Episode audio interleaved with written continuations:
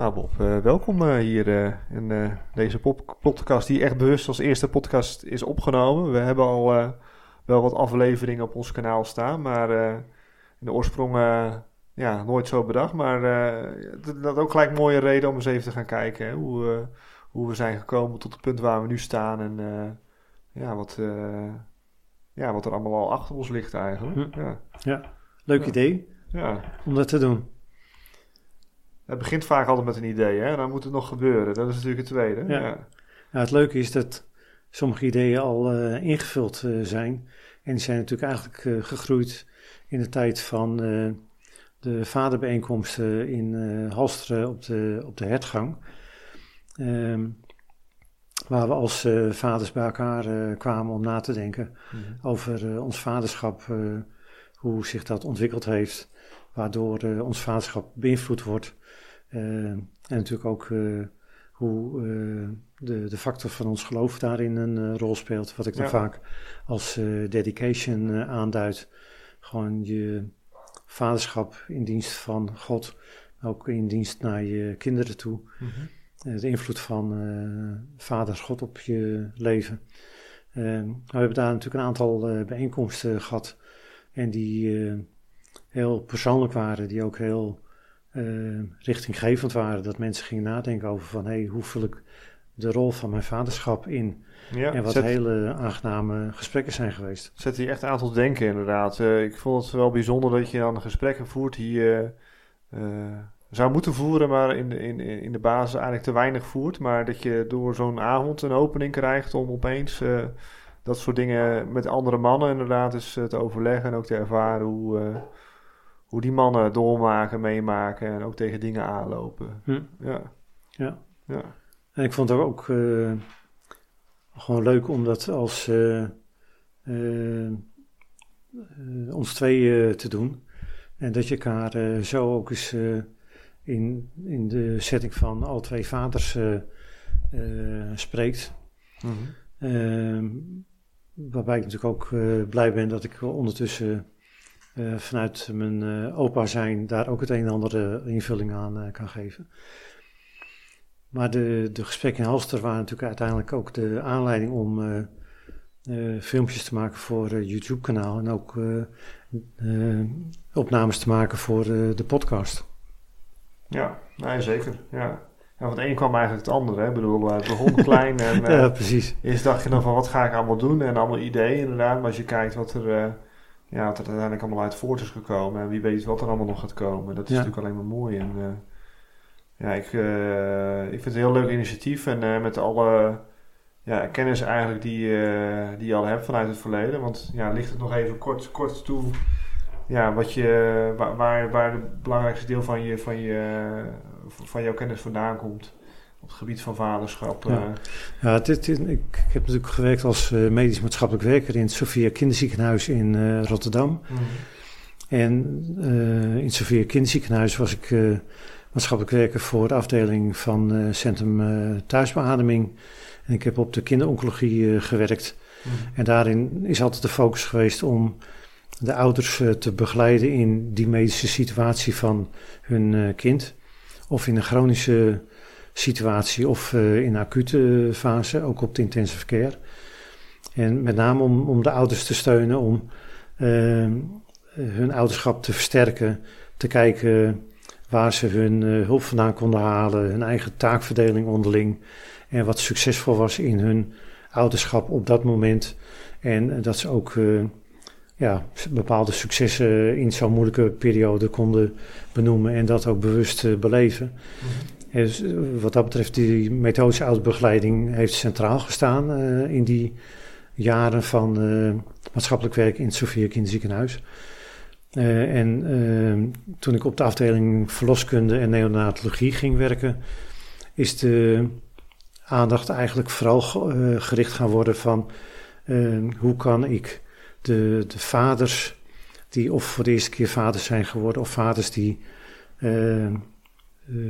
een kind hebben op de neonatologie, maar hun partner in de tijd van de corona-crisis op de intensive care uh, hadden liggen. Mhm. En dat je dan echt als uh, man, als vader, partner moet gewoon pendelen tussen twee heel verschillende afdelingen in het ziekenhuis. Hoe help je dan om die vaders zo'n situatie door te komen? Wat zijn dan hun sterke kanten? Waar moeten ze zich op richten? Ja. Eh, hoe, hoe, komen ze daardoor, terwijl ze misschien slaaptekort hebben, terwijl ze de, de angst hebben om hun partner te verliezen, angst om misschien eh, hun kind wat vroeg geboren is, eh, te vroeg geboren is om te verliezen. Nou, hoe, hoe help je dan mannen, vaders, partners, echtgenoten door zo'n fase heen, samen in het sociaal team, met verpleegkundig en medisch team, ten, ten goede van de ouders, maar met name de vaders die zo heen en weer pendelen. Ja, ook nog ja. hun werk hebben en misschien eh, andere kinderen thuis of familieleden thuis. Ja, ja, die hele context. Ja, ik, ik, ik denk zo, hè, ook los van de corona, gewoon, eh, wat ik ook een beetje pro- proef aan jou, wat je vaak aangeeft, is dat het gewoon ook een überhaupt onderbelicht thema is, eh, het hele Ja, vaderschap. klopt, ja. En natuurlijk in dit soort extreme gevallen met corona, wat er allemaal wel bij komt kijken, qua praktische zaken, maar ook emotioneel gezien. Ja, ja. Maar ook eh, breder, hè, tenminste, eh, positie van de vader bij eh begeleiding. ja. eh, ja. Want ja, hoe was dat zeg maar? Al, al even voor, voor de algehele beeldvorming. Algemeen gezegd was natuurlijk vaak vooral de focus op moeder en kind. En dat is natuurlijk aan de ene kant logisch. Mhm. Maar dat maakte dat de vader dan toch een soort on- onderbelichte positie vervulde. Eh, en niet zo sterk in beeld kwam, ook niet sterk liet zien wat de vader wel allemaal deed en te doen had. Mhm. En da- daar kwam dan bijna een soort vooroordeel overheen van eh, we zien de vader niet, eh, is hij wel betrokken? Ja, Dat soort kritische vragen. Terwijl de vader zelf keihard aan het werk was om zeg maar, alle ballen waar hij mee te maken had omhoog te houden en, Ja. en op peil eh, te houden. En, en die onderbelichting ehm, ja, was belangrijk om eh, de vaders te helpen om daar eh, ja, belichting op, op te geven. Dat ze wel degelijk betrokken waren en zijn en wel degelijk voor hun kind wilden zorgen. Maar dat in de, in de veelheid van factoren, hun eigen fysieke toestand, de, de psychologische aspecten, sociale aspecten, als dat je ook dan nog werk hebt en familie eromheen en je hebt ook nog een huishouden en al, al die Ja. dingen. Nou, eh, daar was soms geen aandacht voor of, of on- onvoldoende zicht op. Terwijl dat ook net zo goed belangrijke eh, zaken zijn die gedaan moeten worden. het was lange tijd eigenlijk gewoon een ondergeschoven kindje, wat dan nu wat meer eh, aandacht gaat krijgen, gelukkig. Ja, vanuit, eh, ja. Nou, zo heb ik het ook wel eens een keertje Ja. ge- genoemd. En dat past natuurlijk eigenlijk gewoon heel mooi in een verloskundig beeld of een neonatologisch beeld binnen de geboortezorg. En ik probeer echt pleidooi te voeren dat vaders zichzelf duidelijker in beeld brengen. En, eh, maar dat ook verpleegkundigen bijvoorbeeld op de afdeling meer vragen zo van hoe is het met u en eh, hoe was uw dag en waar heeft u zich mee bezig gehouden. En eh, om, om meer ook verhaal van de vader te horen en na te vragen. Ja, inderdaad. Ja, ja. Ja, want hoe, ehm, hè, bedoel, we hebben dan verschillende avonden gehad, inderdaad, waarbij vaders bij elkaar konden komen. Ja. Ehm, ook voor, voor, voor het volgend jaar heb je al bepaalde plannen dat je zegt van nou, dat, of dat zou ik graag willen eh, doen om voor vaders, zeg maar, eh, te organiseren. Om, eh, Nou, ik, ik, ik merk dat het bij elkaar komen van mannen, ook als vaders. En er zit toch een, een, een verschil in. Mannen onderling kunnen makkelijk eh, biertje, voetballen, ja, eh autoracen en Mm. eh, het daarover hebben in de eigen mancave, om het zo te noemen. ja, maar vaderschap geeft toch een andere dimensie zeker. aan Ja. het feit dat je man bent. Ook het zorgen voor je kinderen en daar betrokken bij zijn. En ik, ik vind het echt belangrijk dat vaders een soort steungroepen, supportgroepen hebben of vinden of organiseren. Om met andere vaders eh, eens te praten over: hey, hoe ben jij nou vader? Eh, wat wil je betekenen voor je kinderen? Wat wil je meegeven aan je kinderen? Ja. Hoe stel je grenzen aan eh, kinderen? Hoe, hoe laat je merken dat je betrokken bent en eh, meeleeft? Eh, hoe eh, bespreek je dat samen met je vrouw, met je partner? Ehm, maar dat je dat is duidelijker met andere vaders samen bespreekt. En het is soms heel lastig om zo'n plek te vinden. En als vaders een dergelijke plek vinden, dan zijn ze enorm opgelucht. Zo van, oh wat fijn om het met andere vaders uh, te bespreken. Wat een verademing en wat een opening. Ik had nooit verwacht dat dit eigenlijk zo belangrijk voor mij was. En dat daar meer ruimte voor komt. Ja. En het is de bedoeling om daar uh, binnenkort ook een keertje op de radio meer aandacht aan te besteden. Mm -hmm. uh, binnen uh, de kerkelijke gemeente waar ik actief in ben, in Gorkum, hebben we natuurlijk al een aantal serie uh, avonden voor vaders uh, gehad. En dat voorziet ook in een behoefte. En ik weet dat op meer plekken in Nederland dit soort vadergroepen bij elkaar komt. En ook hoe prettig men dat uiteindelijk vindt. -hmm. Ja, nee, inderdaad. Ja, het is, het is zeker iets waar, uh, waar ik denk dat het echt gewoon heel nuttig voor is om uh, komend jaar ook uh, weer voldoende aandacht aan te geven. En het blijft gewoon zoeken ook naar de, hoe bereiken we de vader nou het beste. en, ja. ik vond zelf in ieder geval de avonden zoals we die hadden heel leuk ook, omdat het ja, gewoon heel informeel was. En ook onder het genot van een, van een hapje dat je bepaalde gesprekken had en dat je wel de luchtigheid had, maar wel de diepgang die er echt hm, nodig hm. was. Ook om de openheid naar elkaar om, om over die dingen te praten. Die, uh, Waar je denkt alleen inderdaad mee te worstelen, maar waar je dan pas achter komt ook uh, dat er zoveel andere mannen mee bezig zijn. Uh, dus, een, een, van die onderwerpen die bijvoorbeeld naar voren kwam, was van hoe schakel je over van je werksituatie, als dat druk geweest is, naar je thuissituatie. En dat sommigen nog uh, met hun hoofd vol uh, mm. thuiskwamen van hun werk. Ja. Terwijl ze op zo'n avond dan in het onderlinge gesprek ontdekten van... hé, hey, het is eigenlijk gewoon heel goed om een soort pauzeknop te hebben of een soort buffer te hebben. En dat ik los kan komen van mijn werk, wat daar allemaal gebeurd is. Ja. En dat ik me onderweg, op weg naar huis, me voorbereid van... ik kom nu in een heel andere wereld binnen. En zodra ik binnenstap dat ik beschikbaar ben voor mijn vrouw, voor de kinderen en dat ik er bewust van ben dat ze misschien als ik binnenkom stappen, gewoon naar me toe komen rennen. Ja. in mijn handen vliegen en opgedeeld willen, willen worden. en dat ik daar direct aandacht voor heb. Um, en dat ik daar ook open voor ben. Mm -hmm. Maar als ik nog met een hoofd vol emoties en gedachten en uh, woordenwisselingen vanuit mijn werk binnenstap, dan ben ik niet luisterend, open naar degene die thuis zijn. Ja. En dat vond ik een van de onderwerpen die bijvoorbeeld gewoon heel, heel zinvol besproken is tijdens de avonden in Halsteren mhm. op de hertgang. En dat gaf echt nieuwe ideeën aan iemand van, hé, hey, ik ga het anders doen als ik onderweg ben van werk naar huis.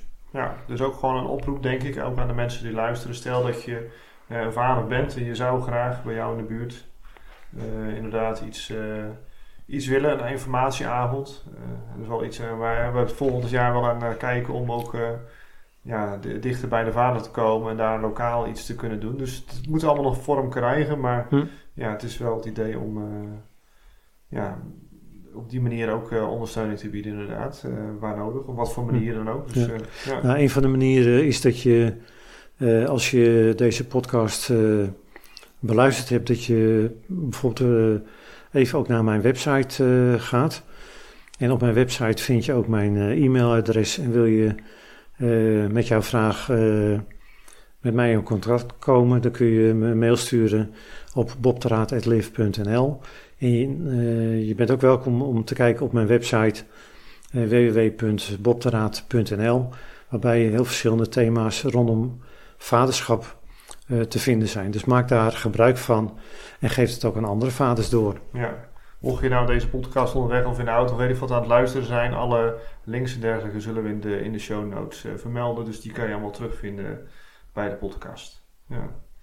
Nou, fijn in ieder geval om even vast gesprek. Even een korte blik. Wat, wat hopen we met het podcast? Want het is natuurlijk gewoon uh, wat, wat we gewoon gaan proberen, wat van de grond komt en waar we ja, leuke gesprekken. Ik weet niet of je zelf een idee hebt inderdaad voor komende jaar wat je leuk zou vinden om uh, hiermee nou, te bereiken? Um, een, een, aantal thema's waar ik uh, mee bezig ben. dat is het thema van de vaderfactor. En dat is aan de hand van je vaderbeeld. hoe wil je vader zijn? En soms kom je erachter dat je eigenlijk heel veel overgenomen hebt of invloed ondergaan hebt van je eigen vader, hoe je eigen vader was.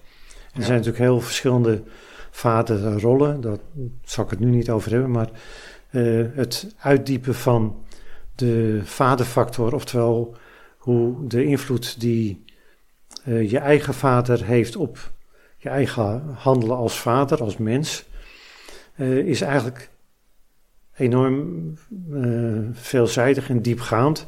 En soms is die invloed dieper aan het gaan dan wat je ooit beseft hebt.